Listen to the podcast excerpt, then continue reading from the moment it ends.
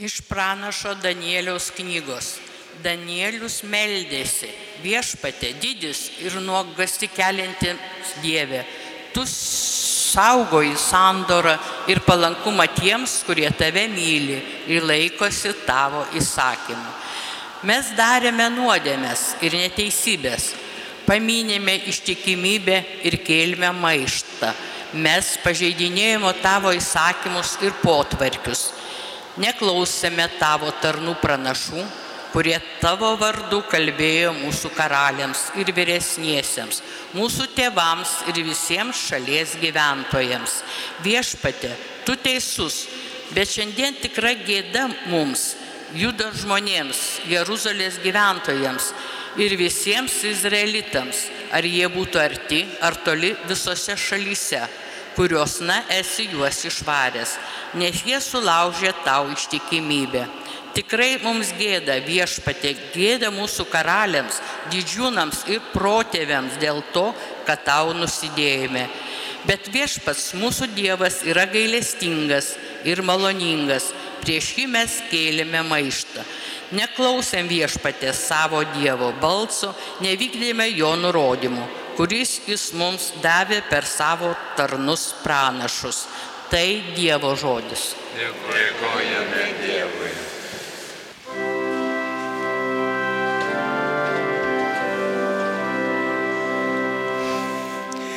Viešpatie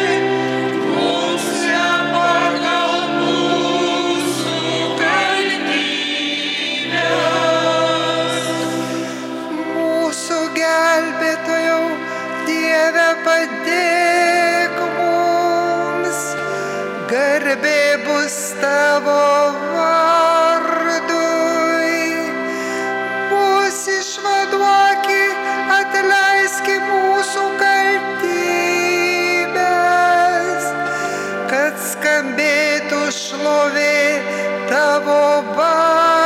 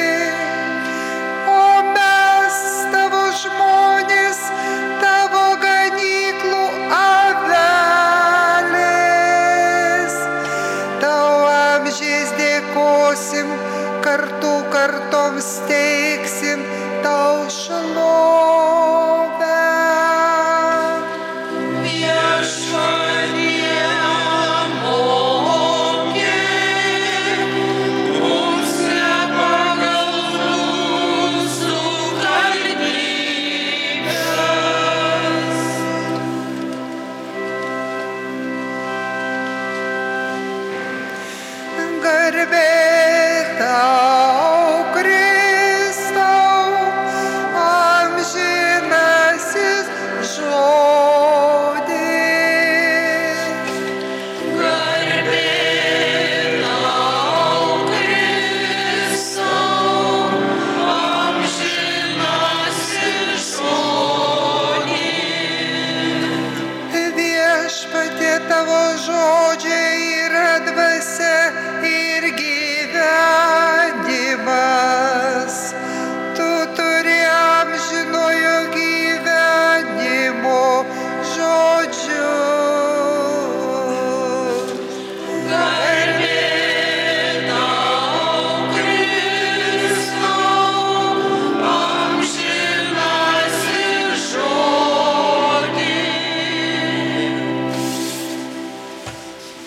Viešpats su jumis pasiklausykite Šventojios Evangelijos pagal Luką.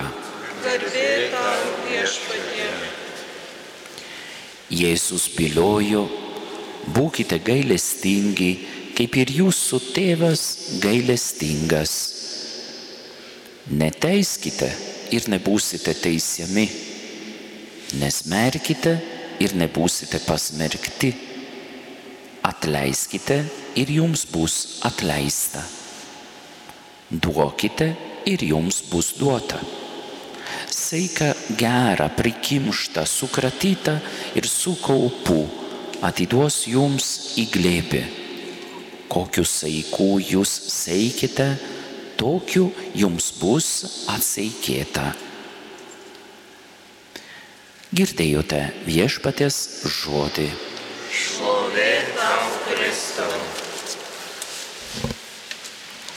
Ypatingai gavėnios metu išgirstame bažnyčios paraginimą atsivertimui.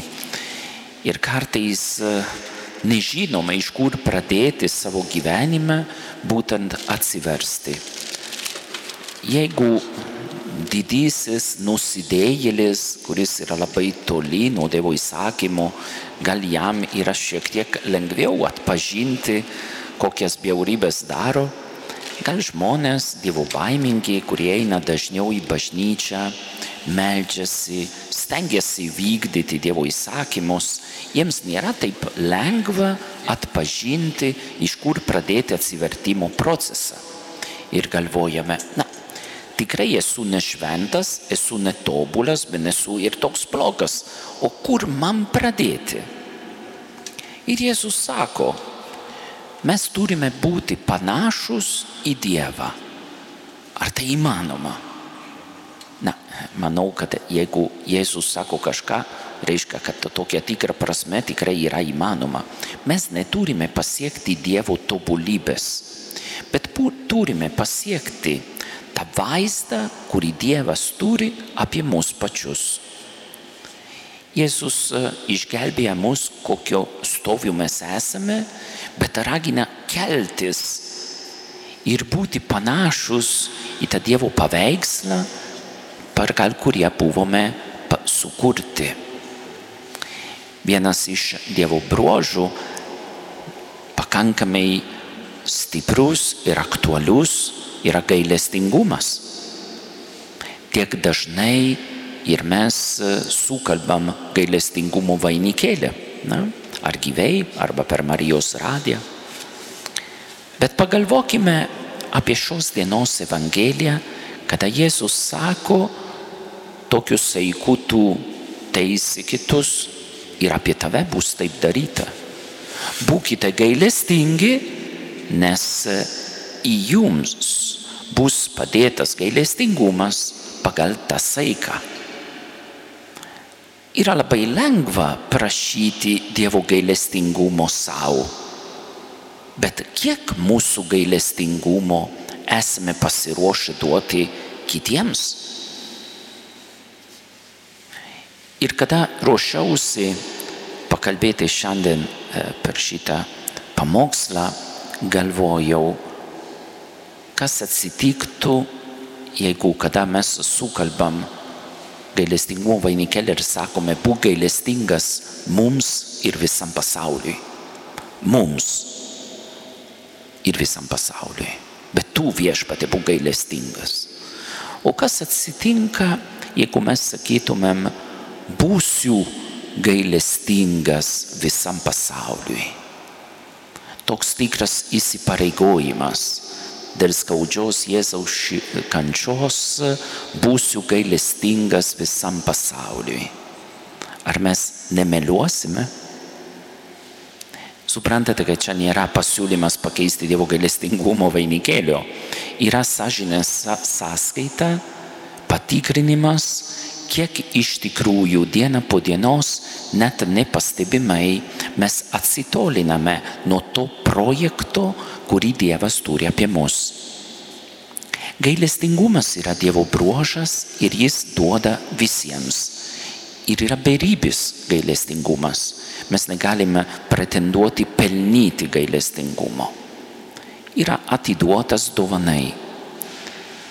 Bet iš Jėzaus pusės, ypatingai šios dienos Evangelijoje, mes suprantame, kad mes negalime būti tik tai gailestingumo gavėjai, bet turime būti tarpininkai. Mes gauname ir atiduodame kitiems žmonėms. Ir jeigu netiduodame, mes patys negausime, nes tampame neverti to gailestingumo. Ir ką reiškia tada atiduoti gailestingumą kitiems? Jėzus siūlo šios dienos Evangelijoje keturi skirtingi būdai. Labai paprasti, bet labai šokiruojantis. Neteisk ir nebūsi teisiamas. Ir kiek kartų mums to nepavyksta. Net eidami į bažnyčią arba bažnyčiui mes žiūrime aplinkui ir pradedame skirti žmonės geri, negeri, tvarkingi, netvarkingi, atitinkantis, nenetinkantis mūsų lūkesčiams. Kodėl tas gėda taip, kodėl tas apsirengęs taip, kodėl kūningas šiandien toks ir tai toliau. Teisti nereiškia tik tai skelbti per mikrofoną, šitas žmogus netinka. Teisti yra taip pat, kada mes savo galvoje klyjuojame vieną kitą etiketę ant žmogaus pagal mūsų interpretaciją, o ne pagal faktus. Neteiskite. Kitas būdas - nesmerkite. Čia yra ne tik tai klyjuoti ir etiketę, bet tada ir veikti priešiškai. Gal apjuodinti, gal kalbėti blogai apie tą, gal su juo nebendrauti, gal izoliuoti, gal reklamuoti tarp pažįstamųjų, kad tas žmogus yra toks ir toks. Čia yra jau pasmerkimas. Trečias. Atleiskite ir jums bus atleista. O ką reiškia atleisti? Jėzus nekalba, kad turime būti kurtieji ir aklieji kito žmogaus neteisybės atžvilgių. Jeigu žmogus daro kažką neteisingo, blogo, nuodėmingo, mes atleidžiame žmogui, mes neturime pakesti tos nuodėmės. Dievas taip elgesi. Jis nekenčia nuodėmės, bet atleidžia nusidėjėliui. Atleisti žmogui reiškia bent pabandyk galvoti apie jį gailestingai, bent pabandyk galvoti apie jį su vienu ar kitokiu pateisinimu, o gal jis buvo suklaidintas, taip sumanydamas, o gal jis netaip suprato, o gal jis nežino, kad aš kenčiu nuo jo sprendimo, nuo jo žodžių, nuo jo veiksmų. Jeigu žinotų, gal susilaikytų. Bet tas atleidimas reiškia ne nematyti problemų, ne nematyti nuodėmių, o pereiti per tas nuodėmes, kad ten prie manęs yra Dievo vaikas su savo orumą, nors jis nusidėjėlis. Ir būtent ketvirtas šios dienos būdas pasiūlytas - duokite ir jums bus duota. Tas atleidimas negali būti tik tai savo galva, galvoje. Atleidimas yra kaip atveria mūsų širdį kitų žmonių poreikių. Ir nebūtinai tik tai tam nusidėjėliui, bet bendrai duoti todėl, kad taip nori Dievas, tai kviečia mane Dievas. Tada suprantame, kad tas iššūkis būkite gailestingi, kaip jūsų dangiškasis tėvas yra gailestingas, yra ne teorija, o labai labai aktuali praktika. Dažnai per tas mišas iš Šventojo Nobosko bažnyčios esu įpratęs pasakyti vieną kitą epizodą iš kunigo Bosko gyvenimo apie tą temą tos dienos. Ir ką galėčiau pasakyti apie gailestingumą gautą, bet ir duodamą. Kunigas Bosko labai dažnai prašydavo dangišką į tėvą ir pagalbos, ir gailestingumo, ir sustiprinimo, nes tikrai jis jausdavo, kad pats negali nieko daryti be Dievo palaikymo, be Marijos užtarimo. Atsispindi tas poreikis ne tik tai gauti, bet ir duoti, kada 1854, man atrodo, jeigu neprisimenu blogai, atsirado choleros epidemija Turine, žmonės susirgdavo iš to virusio ir ypatingai varguoliai buvo apleisti, niekas nesirūpindavo apie juos, niekas net neždavo maisto, nepakeisdavo tvarštus ir neveždavo sunkiausius į ligoninę, nors tais laikais ligoninė suprantat, kad nebuvo kokie dabar. Ir tada miesto taryba pakvietė piliečius, kurie gyveno Turine, būti pilietiškai, būti aktyvus ir eiti pas ligonius ir suteikti pirmutinę pagalbą, kadangi pati valstybė to nesugeba daryti. Be abejo, suprantat, kad buvo didžia, didžiausias pavojus susirti patiems tos choleros, kuri ir buvo ir yra mirtina lyga. Bet jau vieną kartą kunigas Bosko epidemijos pradžioje pasakė savo jaunuoliams oratorijoje, jūs nebijokite, Marija mus apsaugos, bet mes turime tikrai išvengti sunkias nuodėmes ir turime stiprinti savo gailestingumą kitiems. Tai padėkime vieni kitiems aktyviai ir būsime apsaugoti. Bet jeigu nepaisysime tų mano patarimų dabar, mes neišsigelbėsim. Yra kaip yra, bet epidemija nepateko į oratoriją ir ne vienas vaikinas, ne vienas salezietis susirgo. Bet tai neužteko ir kada taryba pakvietė piliečius ateiti ir padėti išnešioti mirusius, atnešti maisto tvarštus ligonėms, vežti į ligoninę. Kunigas Bosko pakvietė tuos vaikinus ir sako, man reikia jūsų pagalbos. Pateikime miestui. Iš karto 17 davė savo vardą. Sekantį rytą po rytinių mišų dar 30 ir davė savo atvirumą padėti. Jiems visiems kunigas Bosko pravedė geros hygienos praktikos pamokėlė, paskaitėlė, kad būtų lengviau apsisaugoti, plauti rankas, saugoti ir burną, ir nosį, ir, ir kaip padėti konkrečiai tiems ligonėms. Ir visą mėnesį, dieną ir naktį, tiems vaikinams ir kunigas Bosko, ir pirmieji salesiečiai eidavo per miestą padėdami žmonėms. Kada sklydo garsas, kad kunigo Bosko vaikinai eina padėti, atsirado vis daugiau prašymų ir kvietimų būtent aplankyti tuos ligonius ar mirštančiuosius. Aš dabar neskaitysiu, nors atnešiau knygą, bet neskaitysiu viso epizodo, bet esmė yra, tas gailestingumas, suprantate, yra eiti padėti, negalvodamas, o kas man bus jeigu. Bet tai man bus pavojinga, bet man, ten man kainuos jėgų, ten man kainuos polsio valandas ir tai toliau. Kai man padėti? Tada ar tiems vaikinams Dievas buvo gailestingas? Atsakymas tikrai taip. Ar tie vaikinai buvo gailestingi, kaip gerasis samarietis Jėzus palyginime? Taip, panašiai. Tai galima sakyti, kad jie buvo panašus į Jėzus gailestingumą? Taip. Tada matome, kad Jėzus neprašo neįmanomų dalykų ir mes tikrai galime būti kaip Dievas. Kas priklauso mums? Ir mums nereikia daryti stebuklų.